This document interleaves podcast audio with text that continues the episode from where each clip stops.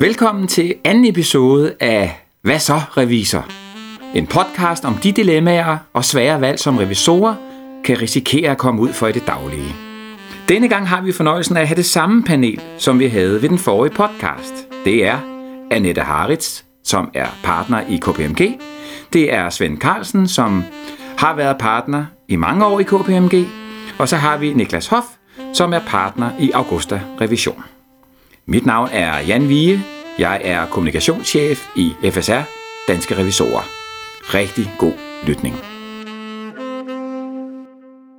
Hos en af dine klienter blev det i sammenhæng med og i forlængelse af et beholdningseftersyn afdækket, at en ledende medarbejder, nemlig økonomichefen, havde misbrugt selskabets bankkonto til at betale private regninger.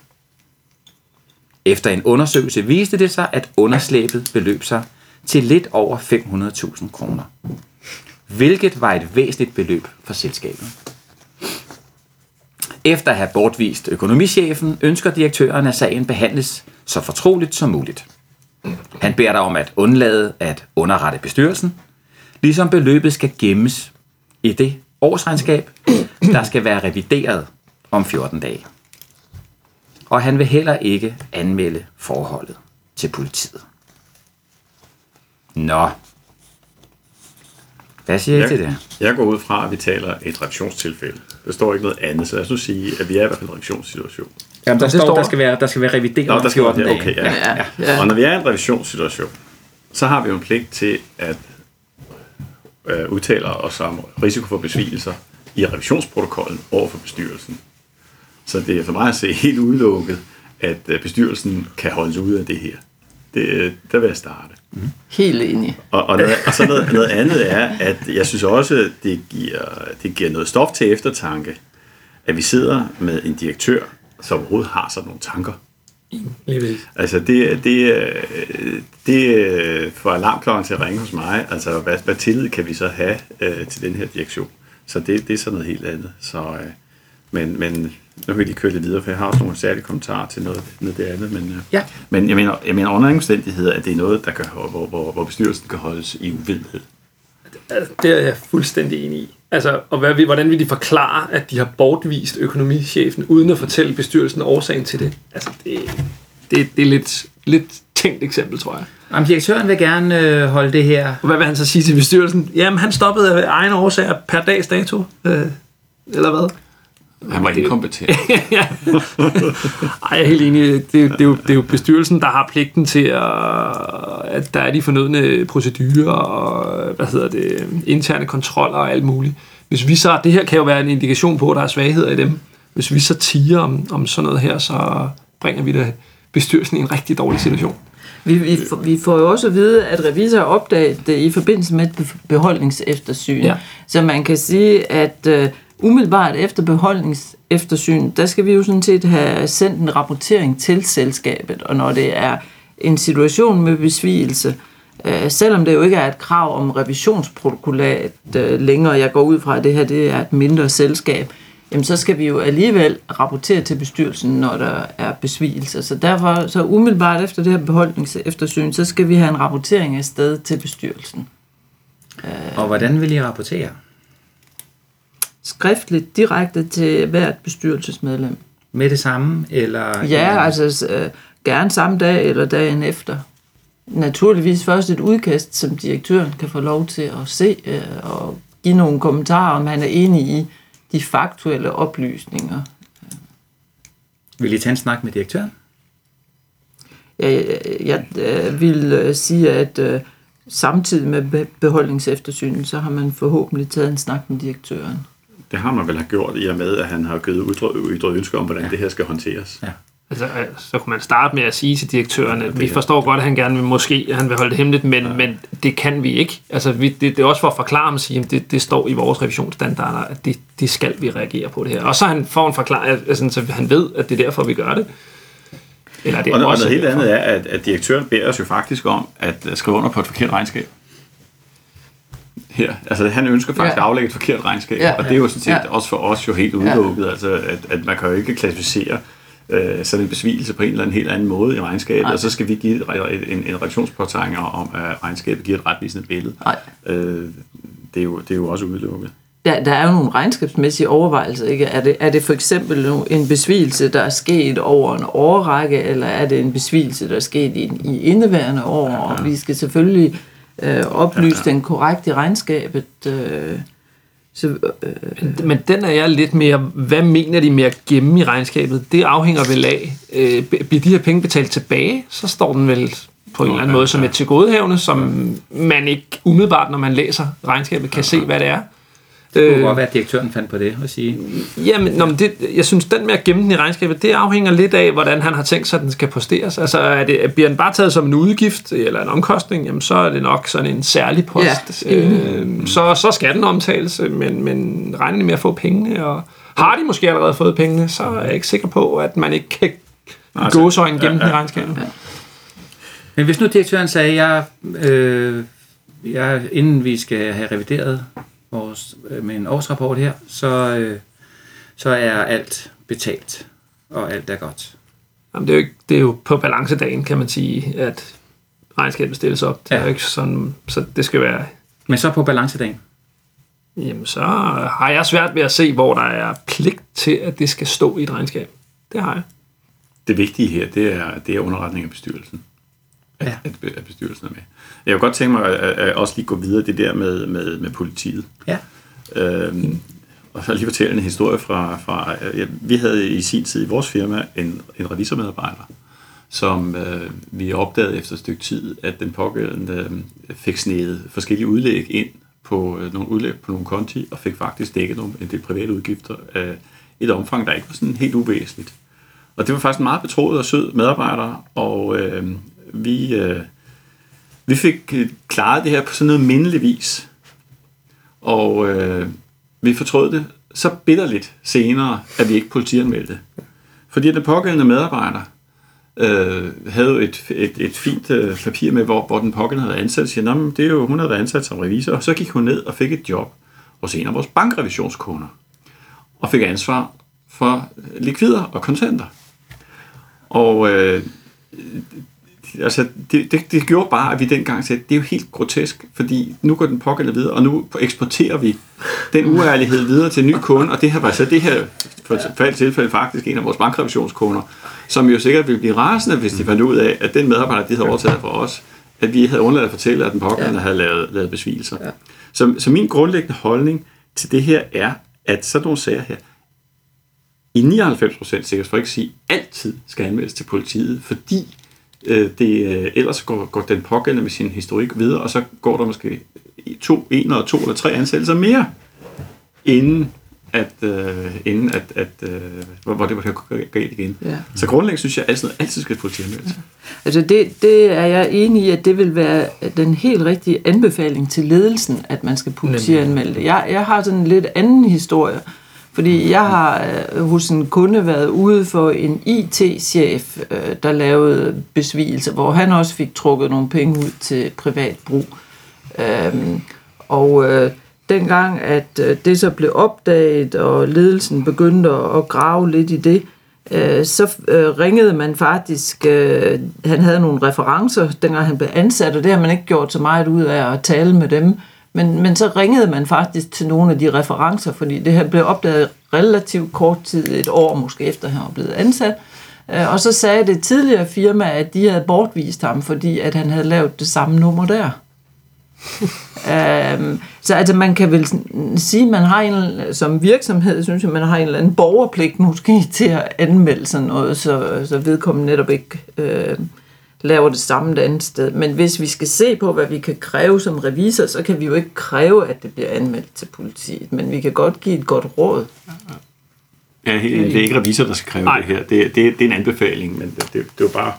Og det kunne jo også ske, at bestyrelsen havde en holdning til det her, når at øh, de nu får det at vide. Det, et er, at, at direktøren ikke vil anmelde det, men det kunne jo godt ske, at bestyrelsen ville. Ja, man kan sige, som revisor kan vi kun komme i underretningspligten her, hvis, altså så frem det så i øvrigt er en, der sidder i ledelsen, og at de ikke reagerer. Ja. Men det har de jo gjort her. Ja. Altså han er jo blevet bortvist. Og, så. Ja. Så konklusionen her er at underrette bestyrelsen ja. med det samme, helst, og både skriftligt og mundtligt, til hvert enkelt af medlemmerne. Jeg vil sige, som revisor vil jeg jo nok anbefale øh, direktionen selv at uh, komme før revisor og sige, tror du ikke, du skal lige komme to dage før os og sørge for at underrette din bestyrelse, uh, for vi gør det. Og det var det, jeg mente med at tage en tale og snakke med ham, ja. fordi det, det, det var men, det, man Men så... jeg vil overveje meget grundigt som revisor, øh, at tænke lidt over, hvorfor tænker direktionen, direktøren, som ja. han gør. Ja. Fordi, og det var din indledende replik. Ja. Ja. Og hvis du har en kompetent bestyrelse, så kan det jo også øh, ske, at de vil se på, hvordan direktøren har håndteret det her. Ja. Så det kunne også give dem overvejelser, om direktøren mm. skal fortsætte. Ja, det giver vel også en eller anden form for mistanke om, kan vide, om direktøren har været med i det. Altså, hvorfor vil han dække over det her? Ja, ja, ja. Præcis. Nå, men det var som du sagde, Svend, det var, vi prøvede at klare det i mindelighed. Altså, det er vel en, øh, det er det er meget, meget menneskelig øh, ud indgang, øh, når man er, øh, når man driver en virksomhed. Ja. Og i forhold til politiet eller politianmeldelse, så er anbefalingen at tage en snak med, med bestyrelsen eller direktionen, men nok bestyrelsen her, og sige, at det opfordrer til at, at anmelde det. Jeg tror også, der kan være nogle skattemæssige fordele i, hvis de penge de er tabt. Ja. Det er sådan en helt anden sag. Vi går til næste case-historie her. Den læser jeg op. Og det er en håndværksmester. Og hun hedder Pia Hansen. Og hun driver selskabet Pia Hansen APS. Og udover Pia Hansen arbejder to svende i virksomheden, samt Pia Hansens ægtefælle Peter, der står for alt det praktiske. Herunder bogholderiet. Pia Hansen APS har været din klient i mange år. I den senere tid har du fået mistanke om, at en del af virksomhedens omsætning går uden om årsregnskabet. Mistanken er blevet understøttet ved et par bryllupper, som du har deltaget i på det seneste.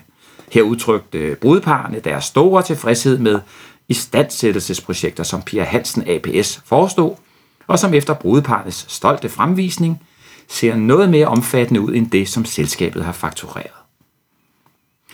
Mere håndfast har du hertil konstateret, at resultatet i de senere år har været faldende som procent af omsætningen.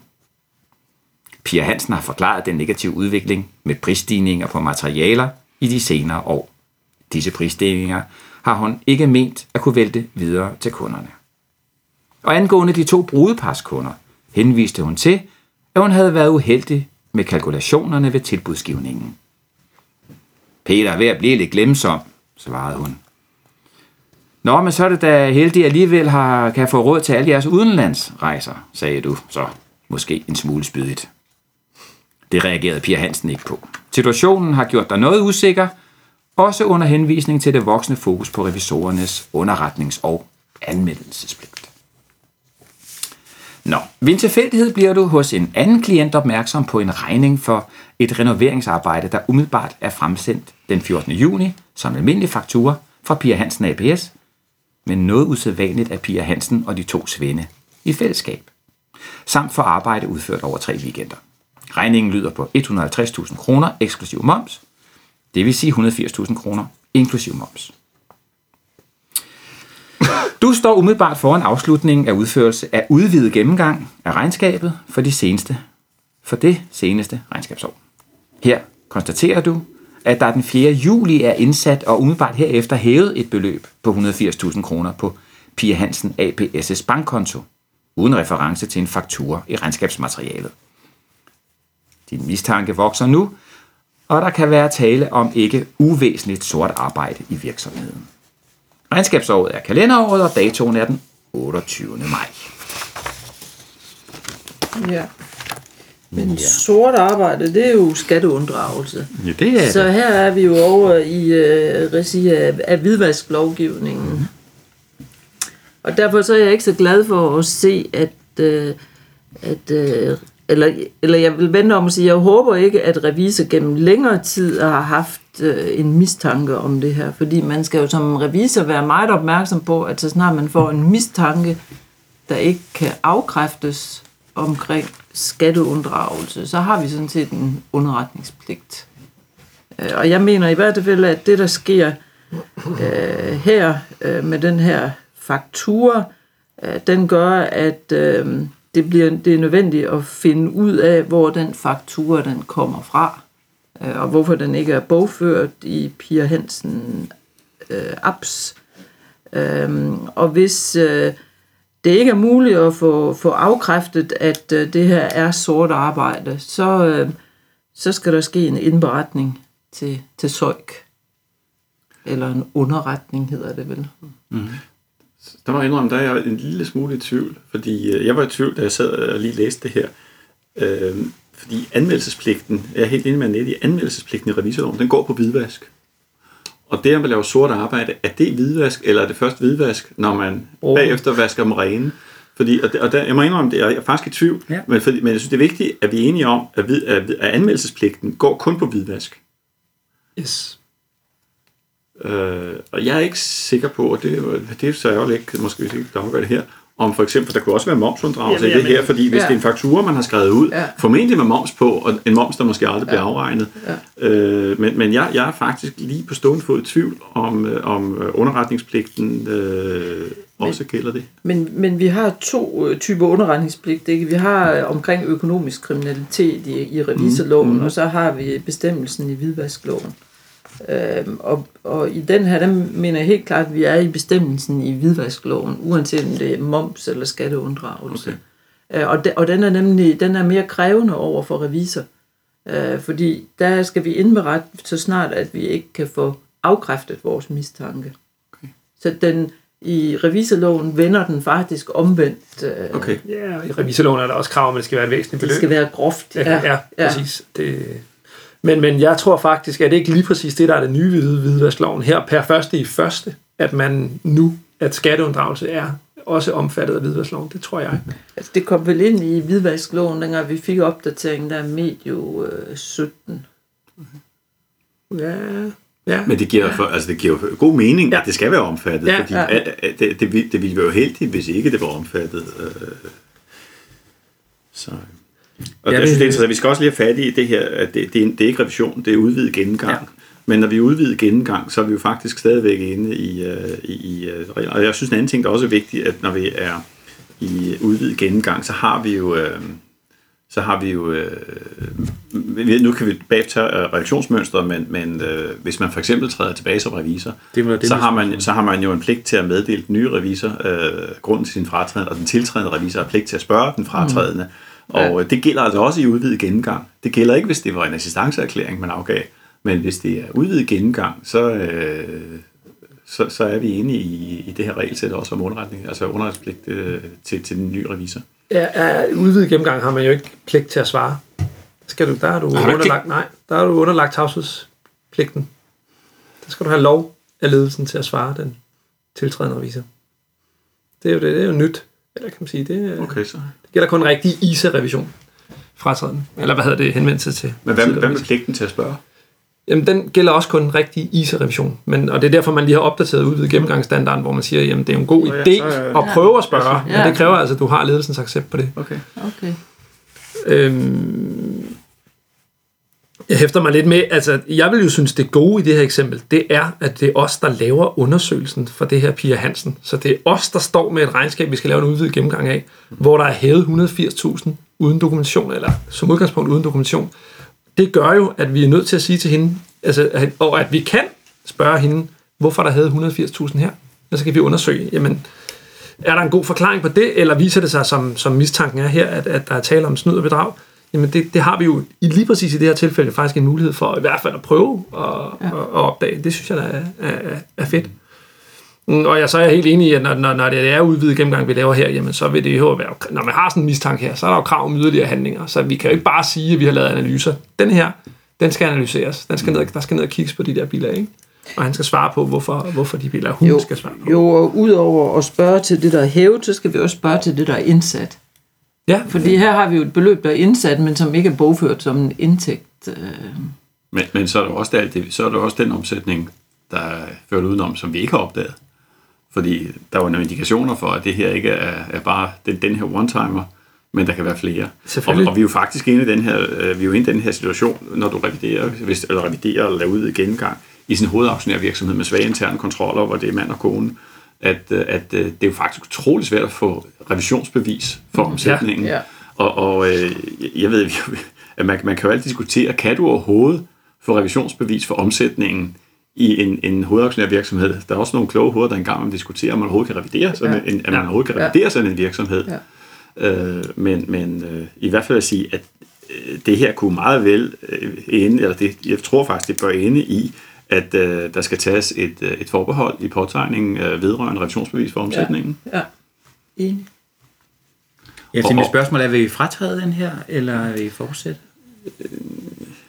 Jeg vil sige, at, at du, har, du kan jo gøre begge dele. Altså, jeg har sådan altid haft sådan en grundholdning, at hvis der er et eller andet galt, og i hvert fald hvis der er nogle fremmede aktionærer, så, så øh, vil du som offentlig tillidsrepræsentant, så er det bedste det er at blive og skrive. Øh, nu er det jo kun så et, et familieforetagende her, ikke? Men, øh, men øh, hvis der er hvis der er fremmede kapitalejere inde i det her, så vil det være meget kedeligt, at du fratræder og holder dem i uvidenhed om din grund til din fratræden. ja Altså, jeg, jeg synes, der er to step i det, fordi jeg vil også blive i forbindelse med det regnskab, der var gang i, og når jeg er meget enig med dig, Svend, i, at jeg tror, det ender med, at vi bliver nødt til at sige, at vi kan ikke have nogen konklusion omkring omsætningen, og det kan jo ske at være så gennemgribende, at vi faktisk slet ikke kan konkludere på årsregnskabet. Øh, og derudover så kan vi jo heller ikke øh, undlade at underrette, fordi vi fratræder. Så vi må underrette, og vi må komme med den øh, påtegning, vi mener, der skal gives. Og så skal vi jo som næste step lave den årlige revurdering af vores kundeforhold. Og når der opstår sådan nogle særlige forhold, så skal vi jo også revurdere, at det er en kunde, vi vil have i firmaet. Og der vil jeg sige, at kunder, der, øh, hvor man er i den her situation, at man som revisor har mistanke om, at, at øh, de laver skatteunddragelser, og måske mere end det, man har opdaget, øh, dem vil jeg øh, sige pænt farvel og tak til. Jeg, jeg er helt enig i begge jeres synspunkter, og man kan også sige, at nu forventer jeg at vide, at vi står den 28. maj. Jeg vil faktisk sige, at det er for sent at fratræde nu. Ja. Vi står to Ja. dage før, Ja. øh, så, så, så det vil være i strid med god øh, revisorskik at gøre det. Så jeg vil også i den her situation blive at skrive på det her regnskab, og så vil jeg ikke være i tvivl om, at så vil jeg fratræde efterfølgende, hvis det viser sig, at, at, at det var rigtigt, den her mistanke. Og så kunne man stå som den nye revisor, og i virkeligheden ikke kunne få information fra den ledelse, hvis den ikke har interesse i at fortælle det. Men, men der ville der være en vigtig information til den næste revisor, nemlig i påtegningen. Fordi der vil revisor jo så skulle forholde sig til, hvorfor Ja. har den tidligere revisor ikke kunnet konkludere omkring omsætningen. Ja. Og der tror jeg, at det er jo en ekstra tilskyndelse til den nye revisor til at rette henvendelse til den tidligere revisor. Og hvis ledelsen så siger, jamen vi vil ikke tillade, at tidligere revisor svarer, ja. så tror jeg slet ikke, jeg vil acceptere at tiltræde som revisor i den situation. Nej, det, er- det er jo netop det næste. Hvor mange af os ville, ville acceptere at blive valgt, hvis vi fik at vide af ledelsen, I må ikke spørge den gamle revisor. Ja. Ja. Det var der da ikke nogen af os, der ville. Det, det tror jeg ikke i hvert fald.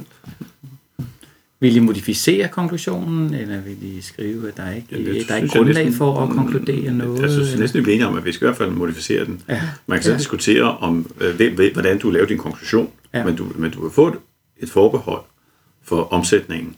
Om det er så så gennemgribende, som skal gøre det, der giver det der er en afkræftende konklusion, eller vi skal give en konklusion med forbehold for, for det specifikke post, øh, det, det, det er svært at sige øh, ud fra det her. Men en eller anden form for modifikation, altså et forbehold, og, og, og en, ikke, en ikke ren konklusion. Men der er forskellige former for ikke ren konklusion, ikke? Det er Ja. Niklas mere ekspert i overfor. Ja, ja, men og, og, og hvis, nu, nu, nu snakker vi jo som, jeg, jeg kan ikke forstå, er, er det både omsætningen og også udgiften, der ikke er dokumentation fra? Der er simpelthen bare kommet 180 ind, der er så gået ud igen, eller hvad?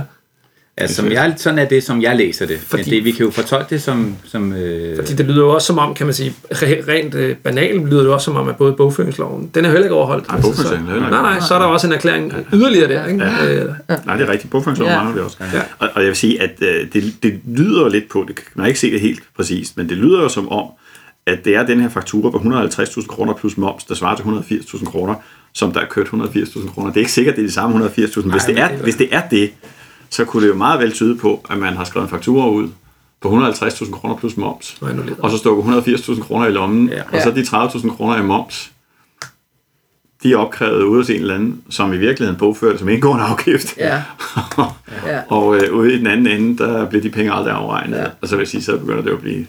Og men, men, men, men jeg synes, man har gode kort på hånden her, for man ved, at den ydelse er leveret, så den skulle have været omsat, fordi man har jo, man, man kender jo modtageren, modtageren så man ved, jamen den, den, der, den her skal være solgt her, og hvis ikke den er solgt her, jamen så, er- så er der jo svindel eller et eller andet. Så jeg tror, vi er... øh, Jeg tror, det lyder lidt som om, at vi er derhen, at øh, på det sene tidspunkt her, Ja. vi bliver, vi skriver, mm-hmm. gør vores pligt, Enig. og så kan vi overveje, om, øh, om det er et kundeforhold, vi i øvrigt så øh, vil, vil videreføre, men øh, hvor der kan være stor risiko for, at det ikke er et kundeforhold, vi viderefører. Ja. Altså, det man kommer, kan, ja. undskyld, men man, man kunne også, i den her situation, når, når vi, øh, hvad hedder det, underretter Søjk, så kunne det også måske være sjovt at spørge dem, om de havde nogle holdninger til, hvordan vi skulle forholde os. Altså for at hjælpe dem med en eventuel efterforskning. Altså jeg ved ikke, jeg har ikke øh, prøvet at underrette, så, jeg ved ikke, hvor, hvor meget man kommer i dialog med dem. Men det kunne være sjovt at høre dem, om de sagde, ved I hvad, kan I ikke øh, blive der et halvt år, fordi at så, så kan vi et eller andet. Det ved jeg ikke, hvordan. Det forekommer mig, men det er en del år tilbage. Jeg synes, der var et eller andet, der var en linje eller sådan noget, man kunne, øh, hvor man kunne henvende sig og få rådgivning øh, på, på, på anonym basis. Altså øh, ikke anonym for en selv, men for, uden at oplyse kunden, der kunne man kunne få, øh, få rådgivning hos Søjk eller en eller anden myndighed om, øh, hvordan man skulle takle de her situationer, inden man lavede anmeldelsen. Det ved jeg, ikke, om, jeg ved ikke, om der er sådan en... øh, Kan nogen af jer huske det, om der er? Nej, det, det ved jeg ikke. Men, men jeg er jo, altså, hvis vi nu øh, antager, at det er omfattet af hvidvaskloven, så skal vi jo ind- indberette det her, fordi vi har en mistanke, og den kan vi ikke afkræfte på, på det, der ligger her i hvert fald. Og så laver vi laver den indberetning der, så kunne det da være spændende at høre, hvad deres synspunkt var. Hvordan mm. de godt kunne tænke sig, altså jeg ved godt, det ikke er styrende for, øh, eller det er ikke dem, der skal bestemme, hvad vi skal gøre, men det kunne da være sjovt at høre, om de havde et eller andet, øh, de sagde, det der kunne vi godt tænke os, at du lige blev her. Jeg, jeg ved slet ikke om, om Søjk, øh, øh, deres ressourcer til responderende virksomheder osv. Altså, jeg tænker, man skal i hvert fald sørge for at få underrettet det. Så skal vi huske at gemme dokumentationen for, ja. hvorfor vi har underrettet. Yes. Og hvis de så vil efterforske mere i det, så får vi jo en henvendelse fra Søjk, øh, og så kan vi der komme i dialog med dem. Øhm, Og så skal vi selvfølgelig også huske, at vi må jo ikke sige noget til Pia Hansen, så vi skal sikre, at hun ikke ligesom får mistanke. Og det kan jo være rigtig svært i den her situation, øh, fordi vi så også skal til at forklare hende, hvorfor vi fratræder og så videre. Men der ja. må vi jo finde nogle forklaringer, der gør, at, at hun ikke er klar over, at vi har, at vi har underrettet. øhm. Og ja. så kan man jo også sige, hvis man sådan er i tvivl om det rent juridiske forståelse af det, øh, Øh, så kan man jo øh, altid øh, spørge en advokat om en juridisk vurdering af den situation, man, man står i. Og ellers så kan jeg måske også lave lidt reklame her, fordi det er jo sådan, at revisionsteknisk udvalg øh, faktisk øh, barsler med en publikation til medlemmerne omkring, øh, hvornår har vi øh, underretningspligt. Er, sagde du, er det, eller etikudvalg eller revisionsteknisk udvalg? Etikudvalget. Når du siger, Ja. ja. okay. Nå, undskyld. Det sagde jeg, Ikke Revo. Jeg så Nej, Nik- det Niklas, etikudvalget. Niklas så det ud, som der var en Ja, byrde, det han lægger op. jeg, Niklas. Så det er etikudvalget, ja. Ja, etikudvalget barsler med en øh, publikation øh, med guidance til medlemmerne om Det underretningspligt. er en rigtig, rigtig god tid. Det vil være en ja. rigtig, rigtig god tid. Ja. Du har nu lyttet til anden episode af podcastserien Hvad så revisor? Tak til panelet, og tusind tak fordi du gad at lytte med. Mit navn er Jan Vige, jeg er kommunikationschef i FSR, Danske Revisorer. På genhør.